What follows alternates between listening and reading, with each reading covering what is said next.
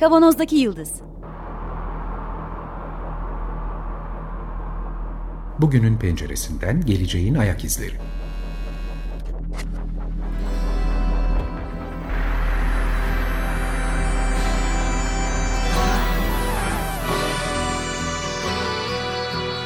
Hazırlayan ve sunanlar İsmail Başöz, Haluk Levent, Mustafa Yılmazer ve Fethiye Erbil. Zorlu Holding Sürdürülebilirlik Platformu Akıllı Hayat 2030, herkes için daha yaşanabilir bir dünya diler. Merhabalar, Açık Radyo'dayız. 95.0, buna da alışacağız muhtemelen. Yeni frekansımız 95.0 Açık Radyo'da Kavanoz'daki Yıldız programında sizlerle beraberiz yeniden. Geleceğin ayak izlerini sürmeye devam ediyoruz. Birkaç haftadır eğitim teknolojileri üzerine sohbet etmeye, daha doğrusu pandemi sonrası eğitim hali pür mealimizi konuşmaya devam ediyoruz. Neler oluyor, neler bitiyor, online eğitim ve e, yeni adaptasyonumuz ne durumda sohbetlerini sürdürüyoruz. Geçtiğimiz hafta Amerika'dan bağlanan konuğumuz ki bunu da böyle altını çizerek söylüyoruz ki biz uluslararası programları yapıyoruz. Serkan Özel, doçent doktor Serkan Özel e, bizimle beraberdi. Fakat biz sohbetine doyamadık. Bugün de yine bizimle beraber. Merhaba, hoş geldin tekrar. Merhaba, hoş bulduk. Teşekkür ederim beraber tekrar davet için çok mutluyuz. Keyif ee, aldım Haluk, bu sohbette. Haluk burada, Fethiye burada, İsmail ben buradayız. Evet, geçtiğimiz haftaya ilişkin çok kısaca geçeyim. Yeni gelen eğitim sürecinde bence ki bundan iki hafta önce yaptığımız sohbette de belirttiğim gibi inkar edilemeyecek bir durumla karşı karşıyayız. Yok sayamayacağımız, yok saymamamız gereken bir durumla karşı karşıyayız.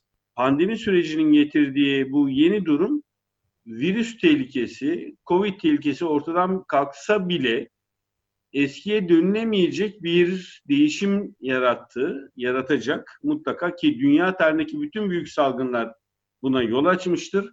Toplumsal kültürde çok büyük değişikliklere yol açtı. Çok ortada tarihimiz belli. Eğer yarın bir gün aşı bulunsa ya da virüs bir mutasyona uğrasa ve virüs tehlikesi ortadan kalksa dahi birebir eski hale dönülmeyeceğini öngörmek gerekiyor küçük bir örnek. Üniversite öğrencisi artık diyecek ki ya online eğitim yapıyorduk niye hala ben geliyorum buraya diyecek. Mesela en basitinden söyleyeceğimiz bir durum bu. Evet küçük yaş grupları için sosyal eğitimin çok önemli olduğunu çok farkındayız. Yani bir araya gelmeleri, okulda vakit geçirmeleri ve teneffüste okulun camını kırdıkları zaman kimin o camını kırdığını ispiyonlamamaları ya da ispiyonlamaları her neyse bu eğitimin çok önemli bir parçası. Ama online eğitim artık vazgeçilmez bir şekilde bu hayatın bir parçası olacak. Eğitim teknolojileri konuştuk. Evet konuşuyoruz. Yeni haller, yeni biçimleri konuştuk. Ve bu süreç içerisinde kaldı ki Serkan Hocam çok güzel belirtti. Eğitim teknolojilerinde ilk aklımıza gelen bilgisayar vesaire ama hayır tebeşir dedik değil mi? Kara tahtaya evet. kara tahtaya yazdığımız tebeşir. Şimdi tebeşir atılamayacak tabii ki öğrencilerin maalesef. Öğretmenler o konuda biraz tatminkar olamayacaklar. Başka yollar bulmaları gerekecek muhtemelen. Ama tekrar bir hatırlatalım. Geçtiğimiz hafta konuştuğumuzda önemli noktanın eğitim içeriğini ya da yöntemini, biçimini tasarlamak, tasarım olduğunu konuştuk ve bu haftaya bunu bıraktık. Bunun detayını konuşmamız gerekiyor. En önemli nokta bu. Artık vazgeçemeyeceğimiz dönüşümsüz bir yoldayız ve buralardan yürümemiz gerekiyor. Tekrar hoş geldiniz. Tekrar sözü sizlere bırakıyorum. Fethiye kısa bir tanıtım alalım tekrar. Geçtiğimiz hafta programımızı dinleyemeyen dinleyin. Tamam. Serkan Hoca benim e, hocam hemen altını çizeyim bu bilginin. Boğaziçi Üniversitesi'nde Fen ve Matematik Eğitimi Bölümü öğretim üyesi. Şu anda Amerika'da Vanderbilt Üniversitesi'nde misafir öğretim üyesi olarak çalışıyor ama bize dönecek diye bekliyoruz dört gözle. Evet, ee, kendisi eğitim teknolojileri, öğretmen yetiştirme, e, fen ve matematik eğitimleri alanında uzmanlaşan çok çeşitli konularda çalışmaları olan bir hocamız. O zaman sözü ben aldıysam büyük bir soruyla hocam başlamak isterim esasen. Size ve hepimize, Peki. kendime de sorduğum bir soru. Buradan bir çıkış olduğunda pandeminin etkisinin azaldığı bir döneme geçtiğimizde önümüzdeki aylarda belki yıllarda Bu içinden geçtiğimiz dönemin etkilerini nasıl göreceğiz eğitimde? Uzaktan eğitim hayatımızın bir parçası olmaya devam edecek diye tahmin ediyoruz ama sizce de öyle mi? Ve öğrenme kavramına, öğretmek kavramına hem yani Türkiye bazında hem de uluslararası anlamda büyük bir etkisi olacak mı? Büyük bir farklılaştırma yaratacak mı? Geri döneceğimiz yer bizim esasen bıraktığımız yer olacak mı eğitimde? Bunu sormak isterim. Aslında her değişimle birlikte hep böyle bir geçmişe dönme arzusu vardır ya, geçmişe bakma. Dolayısıyla bu arzu romantik bir arzu diyebiliriz ama bu arzu var, insanın içerisinde var. Dolayısıyla bugün hep tekrar eski sınıflarımıza dönelim arzusuyla neredeyse e, hepimizin içerisinde vardır. Bence bu olmaya da devam edecek. Bir yandan da hep o eskiye doğru çekmeye çalışacağız ama mevcut durum artık ben o sözü çok beğendim. İnkar edemeyeceğimiz bir şekilde bizi farklı bir yere çekiyor ve çekmeye devam edecek. Nerede olduğumuz bu iki çekişmenin arasında kimin daha kuvvetli çektiğine bağlı olarak değişecek. Eğer geçmiş bizi daha çok kuvvetli çekerse ki bazı ülkelerde ya da bazı bölgelerde bu daha fazla olacaktır. Daha çok eskiye geri döneceğiz. Ama bazı ülkelerde, bazı programlarda da gelecek daha fazla çekecek. Dolayısıyla geleceğe doğru gidecek. Ben sınıfın hiçbir zaman kaybolmayacağını düşünüyorum. Yani hani fiziksel bir arada olmak bu erken yaş için çok daha önemli. Ama onun getirdiği çok önemli şeyler vardı. Kendi üniversite hayatımda şunu söyleyeyim. Yani derse gitmeyi çok severdim ben. Çünkü arkadaşlarımla beraber sohbet etme şansım vardı. Hani dersin ötesinde. Beni en çok çeken şeylerden birisi oydu. Ondan vazgeçmeyeceğimizi biliyorum. Ama bugünün değişimi de şey gibi bakmıyorum. Yani bu pandemi bitecek ve biz eski normal hayatlarımıza aynı şekilde devam edeceğiz gibi bakamıyorum. Bu pandeminin arkasından belki başka pandemiler gelecek. Bunu öne sürenler de var. E, bu olmasa bile bu bunun tadına varılan kısımlar devam edecek. Gene oranı değişebilir. O yüzden ben değişimin olacağını düşünmüyorum. Pardon değişimin olacağını düşünüyorum ama bu değişimin e, sadece eskiye gibi, lastik gibi tekrar eskiye geri döneceğimizi artık düşünemiyorum. Çünkü o geçmişte kaldı. Yeni bir dönemdeyiz. Ve bunu ayak uyduran kazanacak. Bunun örnekleri çok. Bugün başka bir sohbetimde onu konuşuyorduk. Nokia mesela e, teknoloji devrimini kaybetti. O Skype'la belki hatırlarsınız. E, Skype'ı telefonlara yükletmemişti Nokia zamanında. Hmm. Ve o dönemde de bir arkasından iPhone çıkarttı ve artık bütün dünya değişti ve Skype, Nokia'yı artık göremiyoruz mesela bu şeyin içerisinde. Bunun gibi e, Kodak firması devrimi kaybetti. Bugün de bir başka devrim yaşıyoruz. Bunu ayak uydurmazsak ayak uydurmayanlar kaybedecek. Eğer biz ayak uydurmazsak biz de kaybedeceğiz. Ama ne kadar ileri gideceğiz, ne kadar geride kalacağız o ayrı bir tartışma. Ben başka bir e, bağlamdan aslında tartışmayı genişletmek istiyorum. Te, eğitim teknolojisi dışında teknolojideki ilerleme aslında iki üç tane çok önemli meseleye neden oluyor. Bir bir kere zamanı çok hızlandırdı. Yani artık insanın daha önce karşılaşmadığı ölçüde çok şey bilmek zorundayız, çok şey proses etmek zorundayız, çok hızlı yaşamak zorundayız ve yoğun yaşamak zorundayız. Dolayısıyla belki de eğitim sürecinin de buna adapte olacak şekilde çünkü ne bileyim e, bizim zamanımızda orta öğretimde öğretilmeyen bazı bilgileri artık orta öğretimde gösterir, işleyen duruma gelmemiz gerekecek. İkincisi işte geçen hafta çok üzerinde durduk. Öğrenen tarafında bağımsız bir öğrenici olarak forma edilmesi gerekiyor. Bu ne demek? İşte o hep bahsettiğimiz teknolojiye adapte olabilmek için de yani iş hayatında veya toplumsal hayatta top, teknolojiye adapte olabilmek için sahip olmamız gereken o soft skill diye adlandırılan işte eleştirel düşünme, e, ne bileyim problem çözme yeteneğinin gelişmesi falan filan. Bunların çok erken yaşlarda öğrenen kişinin edinmesi gereken özellikler olarak ben tabii bunlar bir özellik olarak, kişiliğin bir parçası olarak edinildiğinde e bu sadece çalışırken, sadece öğrenirken kullanılacak şeyler değil ki. Her şeyi eleştirmeye başlayacaklar. Evet. Bu sefer toplumsal düzen bu anlamda bir katastrofik ortama girecek diyor. Bir, yani bir Amerikalı bir siyaset bilimcinin söylediği bir laf var. Bunu diyorsunuz ama tamamen teknoloji düzeyinde, yani teknoloji bağlamında söylemişti. Bunu diyorsunuz ama bu skillleri kazanması gereken insanların bizim politik düzenimiz buna hazır mı? diye bir soru sormuştu ortaya.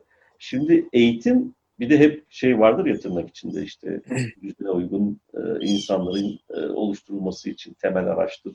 İşte bir düzenin toplum tarafından kabul edilmesi için en temel araçtır falan diye. Şimdi bir anlamda bu öğrenme sürecini bireyselleştirmeye doğru gittiğimizde bunu da parçalamış oluyoruz.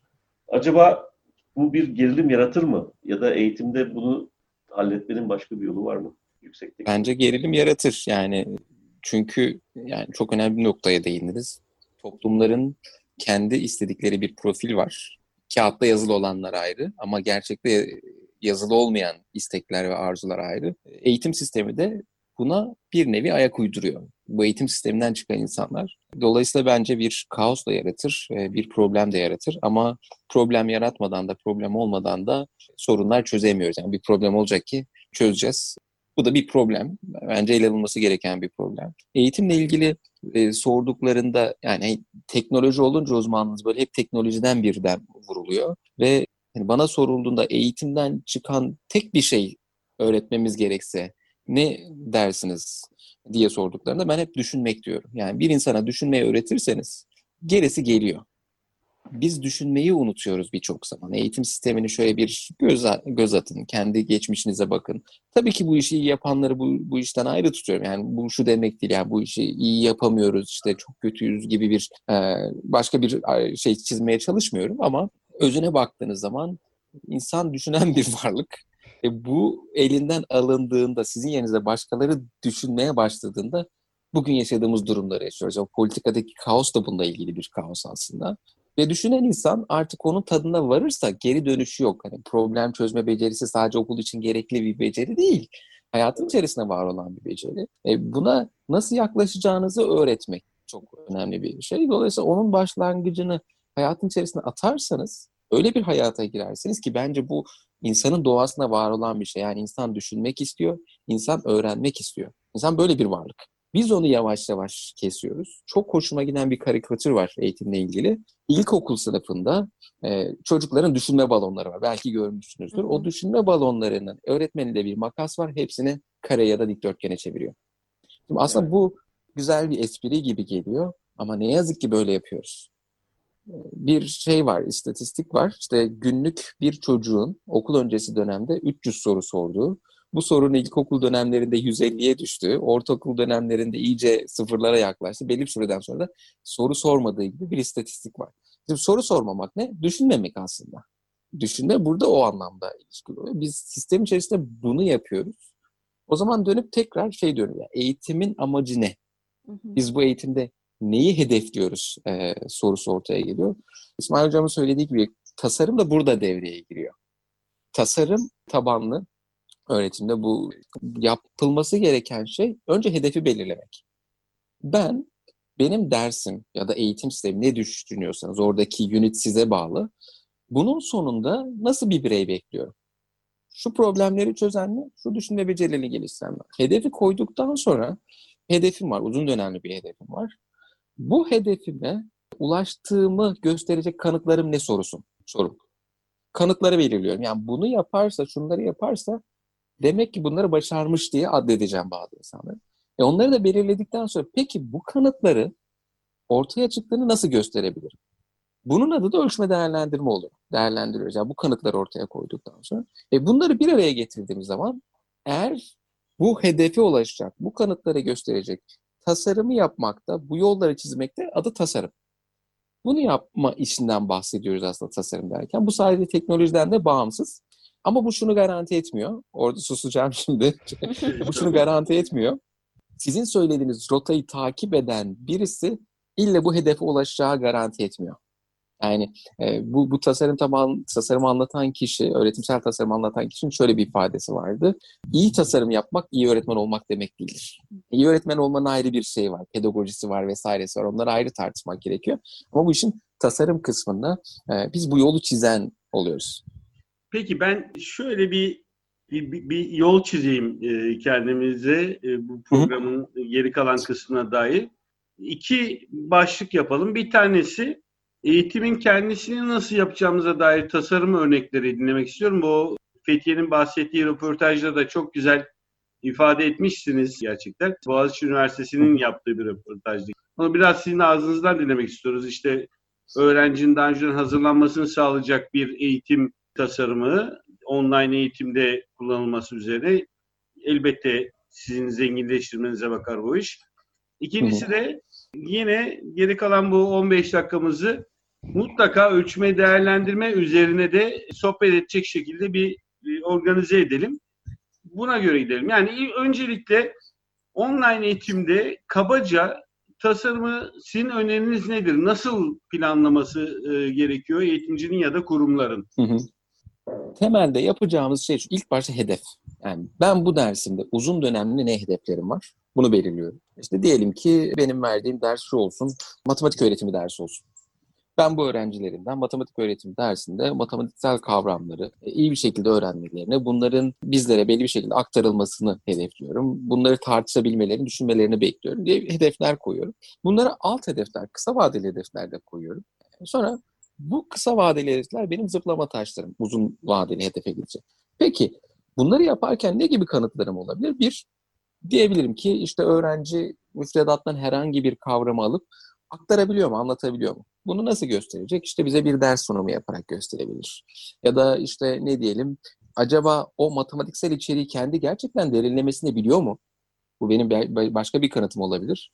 Benimle bu tartışmayı yapabiliyor mu? Örnek verelim mesela kesir kavramını çok iyi biliyor mu diye düşünebiliriz. Ondan sonra dönüp dolaşıyorum diyorum ki peki bunları nasıl ölçeceğim? Bu kanıtları nasıl ortaya koyacağım tasarımı yaparken? O zaman da şeyler çıkıyor. Dersin ödevleri ortaya çıkıyor. Yani şeyde beklediğim şeylerde. Bunların ölçümlemesini mesela diyelim ki bu dersi anlatacak mı? Bunu yazılı olarak yapmanız çok zor. İle bunu bir performans göstermesini bekleyebilirsiniz. Bu performans o zaman nasıl bir performans olacak? Onları yazıyorum. Peki bu performansın hangi kriterleri var? Bunlar var, onları yazıyorum. Bunları gösterip göstermediğine bakıyorum. Bunları geliştirip geliştirmediğine bakıyorum gibi. Bu kriterleri belirleyip bunlarla ilgili ödevleri ya da işte assignment'ları ya da görevleri adına ne derseniz deyin. Ödev bazen böyle artık şey gibi oluyor. Yani olumsuz bir anlam ifade ediyor. Görevleri yapıp bunları bir zaman çizelgesi içerisinde. Ne yazık ki bu bir zaman çizelgesinde yapmanız gerekiyor. Buraya koyuyorsunuz ve zamanı başlatıyorsunuz. İlerlemeye başlıyorsunuz zamanın içerisinde. O zaman içerisinde ilerlerken kanıtlar ortaya çıkıyor mu? Ve bunun için şeye kadar beklemememiz gerekiyor. Sona kadar beklemememiz gerekiyor. Yani Erik Mazur'un çok güzel bir örneği var bu şeyle ilgili. Ölçme değerlendirme ile ilgili. Fizik profesörü ama sonradan ölçme değerlendirmeci oluyor. Diyor ki uçağa biniyorsunuz. Ee, işte uçak siz Ankara'ya gitmek istiyorsunuz. Uçağa bindiniz, indiniz. Nereye geldin diyorsunuz? İzmir. Bizim eğitim sistemimiz bu diyor şu anda. Yani sonda size bir dönüt veriyor ama geri dönüşü çok zor artık. Eğer uçağa binmeden önce sormuş olsaydınız ya da kontuara gelmeden önce sormuş olsaydınız doğru uçağa gidebilirdiniz ve doğru yere o hedefe ulaşabilirdiniz. O yüzden ara ara kontrol mekanizmalarının olması gerekiyor. Bu bence vize ya da final sınavları değil. O yüzden e, şeylerde o araçları iyi belirlemek lazım. Online ya, kısmı ne burada? Nerede? Çok tabii, söyleyeceğim. Geçtiğimiz haftalarda ya da aylarda konuştuk. Türkiye'de online sınavlar yapılırken tanık olmuşsunuzdur ya da duymuşsunuzdur muhtemelen. Bilgisayarın başındayken arkadan cep telefonu bir, bir sopaya ya da şeye bantlayıp Ütü masasına biz bantlattırdık. Ütü masasına, gardıroba bantlayıp öğrencinin o sırada kopya çekip çekmediğini diğer teknolojiyi kullanıyoruz ama niye öyle söylüyorsunuz işte teknolojiyi double kullanıyoruz böylece yani çift katlı kullanıyoruz o öğrencinin kopya çekip çekmediğini diğer tele, e, kamerayla görecek organizasyonlar yaptık. Yani eski, eski halimizin teknolojik versiyonu bile diyemeyeceğim ya. Yani gerçekten Teknolojinin karikatür versiyonu. Karikatür Buna versiyonu. milyon dolarlar e, yatıran ve şu anda epey sanıyorum kazandırmaya başlayan şirketler var dünyada. Evet, Online yani, proctoring dedikleri sınav gözetmenliği Sınav gözetmenliği ve Ama dünyanın ben şey... bambaşka yerlerinden gözetmen olan ve bütün bilgisayarınızın kontrolünü Oley, eline alan öğrenciler. Tabii tabii. Gerçekten mi? Öyle mi? Ee, ben... Bu bayağı bir popüler bunlar şu anda. Ya şunun Haluk, Haluk çok özür dilerim söyleyeceğim. Şunu altını çizmek istiyorum. Sona bırakmamak, süreç içerisinde ölçme değerlendirmeyi yapmak dediğiniz Serkan Hocam. Yani onu dedi bir de ölçme değerlendirme öğretimin bir parçası ayrı bir bütünü değil yani o da önemli bir şey. Öğretimin içerisinde öğretimin ta kendisi aslında ölçme değerlendirme. Ayırmak zorunda kalıyoruz ifade ederken ama özünde bunu öğretimden ayırmamamız gerekiyor. Siz sınıfta öğrencinin gözüne bakıyorsunuz ya aslında o, o da bir ölçme değerlendirme. Evet. Ve bunu yok saymamak gerekiyor. Ölçme değerlendirmedeki hedefimiz hedeflere ulaşıp ulaşılmadığına bakıyorum. Bunun alternatif yolları var. Çok alternatif yolu var. Biz sadece bunların sınav kısmına çok odaklanıyoruz. Oradan uzaklaşmamız gerekiyor. Bunu tamamlayacak bir şey soracağım. Hı hı. Yani şimdi bizim tabii klasik eğitimde e, ölçme değerlendirme deyince bireysel performansa odaklanıyoruz. Ama şu anda içinde bulunduğumuz dünya ekip çalışmasını ve işte çok disiplinli çalışmayı öne çıkartan bir şey. Acaba bu ölçme değerlendirmenin buna da adapte olmasını gerektirmiyor mu?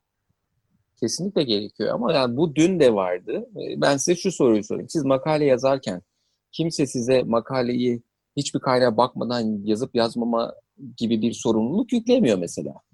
Ya da işte bugünkü konuşmamızda kimse bana şey demiyor. Hiçbir kitap açmadan bu bilgileri söyle diye beklemiyor benden. E, o zaman düşünüyoruz. Niye biz bu insanlardan bunu zorunlu tutuyoruz? Yani burada temel o ölçme değerlendirmede de ne bekliyorsunuz? O ölçme için seçtiğiniz araç sizin amacınıza ne kadar hizmet ediyor? Bunu sorgulamak gerekiyor. Ben neredeyse hiçbir dersinde, çok az dersinde sınav yapmışımdır. Hatta belki Fethiye sen var mıydın o doktora sınavında? Size sınavı verdim. Sonra ben ofisime gittim. Dedim ki yani siz Evet. buyurun yapın sınavı. Kendi Ee, ben iki saat sonra geleceğim. Hatta sınavın ikinci kısmı da şeydi, işbirlikli kısımdı. Beraber yapabiliriz bir kısımdı. Ee, kendi önce bireysel olarak yaptınız. Sizin oradaki tepkilerinizi ben hatırlıyorum. Yani benim sınavda sınav e, salonundan, dersten çıkıp ofisime gitmemi yadırgadılar. Şimdi bunun 4-5 sene öncesinde Rice Üniversitesi'nde matematik eğitimi, e, matematik dersi veren arkadaşımla işte so- şey yapacağız beraber bir araya geldik. Dedi ki benim sınavım var gitmem gerekiyor. Yarım saat sonra geldim. Nasıl bitirdin sınavı dedim. Sınavı verdim dedi. İşte iki saat sonra sınavı şey verecekler. Asistanlara verecekler. Şimdi buradan nereye geleceğim bu kopya Hı hı. olaylarında? Bu kopya kavramı biraz kültürel bir kavram. Bunun çok erken yaşlarda eğitim sistemi içerisinde verilmesi lazım. Ne yazık ki şu örnekleri çok diyorum. Birinci sınıfta kopya çeken öğrenciler var. Birinci sınıfta. Yani İlkokul bunu birinci sınıf- sınıfta. ilkokul birinci sınıfta şeyden bazı sınıf öğretmenleriyle çalıştığım için onlardan sahadan gelen Neyin şeylerden bahsediyorum. çekiyorlar hocam? Alfabede C'den sonra ne gelir mi? yani Öyle düşünmeyin. Şimdi çoktan seçmeli testler yapılıyor Doğru. birinci sınıfta okul Of. öncesinde. Dolayısıyla Çok- işin arka planında başka şeyler de var. Oraya çok fazla girmeyeyim. Ee, o yüzden hani o kopya kavramı ya da o gözetmenlik kavramı buradan çıkıyor. Biz güvenmiyoruz karşı taraftaki kimseye. Onlar da güvenmememiz için bizim elimize şeyler veriyor yani. e, imkanlar tanıyor. Yani bu bir karşılıklı bir olay. Ama şu anda ne yazık ki çok büyük şirketler, şirketler var bu proctoring ile ilgili. Hem bireysel canlı insanların gözetmen olarak kullanıldığı hem de artificial intelligence, bu yapay zekanın kullanıldığı yani gözetmen sistemleri var. Bu ne kadar gerekli? Siz normal eğitiminizde bunu ne kadar e, yapma gereksinimi duyuyorsanız bence bir o kadar gerekli. E, Ben bunu ne kötülüyorum ne de olumluyorum. Yani ikisinin arasında bir durumdayım. Duruma bağlı olarak değerlendirmek istiyorum bu e, şey kısmı. Siz eğer normal sınıfta yaptığınız sınavda öğrencilerin başında durup onların kopya çekmemeleri için elinden gelen, gel- geleni yapıyorsanız e, online ortama geçince bunu istemeniz de çok normal.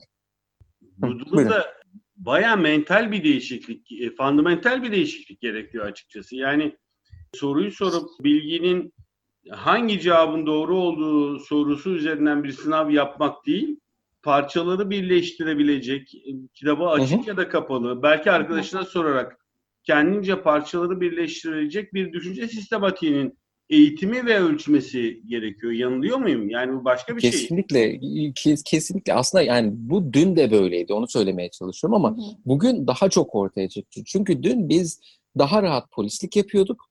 Bu yaptığımız polislik bugünkü gibi karikatür manzaraları sunmuyordu karşımıza. Ama bugün artık o polislikler, e, dün yapabildiğimiz polislikleri bugün yapamıyoruz. Çünkü öğrenci kendi evinde. E, O yüzden de ortaya böyle şeyler çıkıyor. Soru şu, eğer siz Google'dan bulunan bilgiyi soruyorsanız niye soruyorsunuz? Evet. Evet. Ee, yine Eric Mazur'un hikayesini söyleyeyim. Yani o çok hoşuma giden şey- bir ölçme değerlendirmeci aslında e, fizik eğitiminin fizikten geçmiş birisi. Ya diyor ki ben fizik derslerimde diyor işte soruyordum yani klasik bizim yaptığımız fizik sınavları. Öğrencilere sonra dedim ki ya diyor ben bunu öğrenmek istemiyorum. Demiş ki notlarınızı açabilirsiniz. Sonraki sene diyor baktım diyor bu da beni tatmin etmedi diyor. Kitaplarınızı açabilirsiniz. Öğrenciler diyor ki başka kitap kullanabiliriz. Niye kullanamıyorsunuz? Kullanın dedim diyor. En sonunda şuraya kadar geldi. Çok uzatmayayım. Bilgisayar da getirebilirsiniz. Sadece şunu yapmayın dedim. Tek, tek kıstım. O bilgisayarda canlı birine bağlanıp sizin sınavınızı ona yaptırmayın. Eğer benim sorumun cevabı Google'dan bulunuyorsa ve onu istiyorsam eyvallah ama eğer bulunmasını istemiyorsam o zaman demek ki ben sorularımı değiştirmem gerekiyor. Ölçme aracımı değiştirmem gerekiyor. Dediği bir şeyde dönüşüm yaşadığı şey hikaye bu aslında. E, dolayısıyla bizim bunu yapmamız lazım dönüşüm olarak. Sınav yapacaksam eğer o sınavda kapalı kitap sınav yapıyorsam niye kapalı kitap sınav yapıyorum? Onun ezberlemesi gerekiyor mu soru, sorusunu öğrenciden önce ben kendime sormam gerekiyor. Hı hı. Onun bir amacı varsa onun alternatif yol, yollarını bulmanız gerekiyor ama bana soracak olursanız bence ondan uzaklaşmamız gerekiyor. Hele ki işbirliğinden bahsettik. Yani bu işin bu kısmını da ölçmek istiyoruz biz. Takım halinde çalışacaklar. E onu ölçüyor mu hiçbir sınavımız? Sınav dediğim zaman illa bu yazılı sınavdan bahsetmiyorum, görevlerden bahsediyorum. Onları dönüştürmemiz, alternatif değerlendirme araçlarını kullanmamız gerekiyor. Bence o zaman bizi bu polislik görevinden de uzaklaştırır e, diye düşünüyorum. Evet. Sevgili Serkan Özel bizimle beraberdi. Doçent Doktor Serkan Özel yurt dışından Amerika'dan bize katıldı. Çok teşekkürler. Çok teşekkür güzel bir sohbet oldu. Eğitim Ben teşekkür ediyorum davet ettiğiniz için. Eğitim teknolojileri diye başladık ama eğitimin kendisine, eğitimin hı hı. perspektifine dair sohbet etmeye geçtik ki daha önemli olan bu gerçekten. Bir süredir devam ettiğimiz eğitim teknolojileri ya da eğitim halimiz, pürme halimiz sohbetimizin şimdilik sonuna geldik. Bu haftalık programımız bu kadar. Çok çok teşekkür ediyoruz tekrar. Bu programın size ulaşmasına yardımcı olan Açık Radyo çalışanı bütün arkadaşlarımıza çok teşekkür ediyoruz. Program destekçimize çok teşekkür ediyoruz. Sağlıkla kalın. Önümüzdeki haftalarda tekrar görüşmek üzere.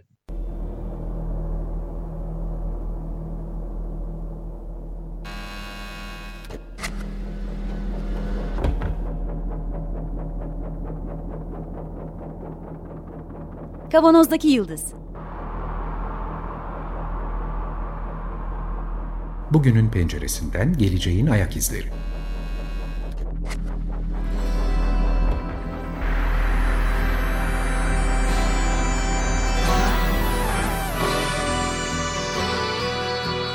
Hazırlayan ve sunanlar İsmail Başöz, Haluk Levent, Mustafa Yılmazer ve Fethiye Ergün.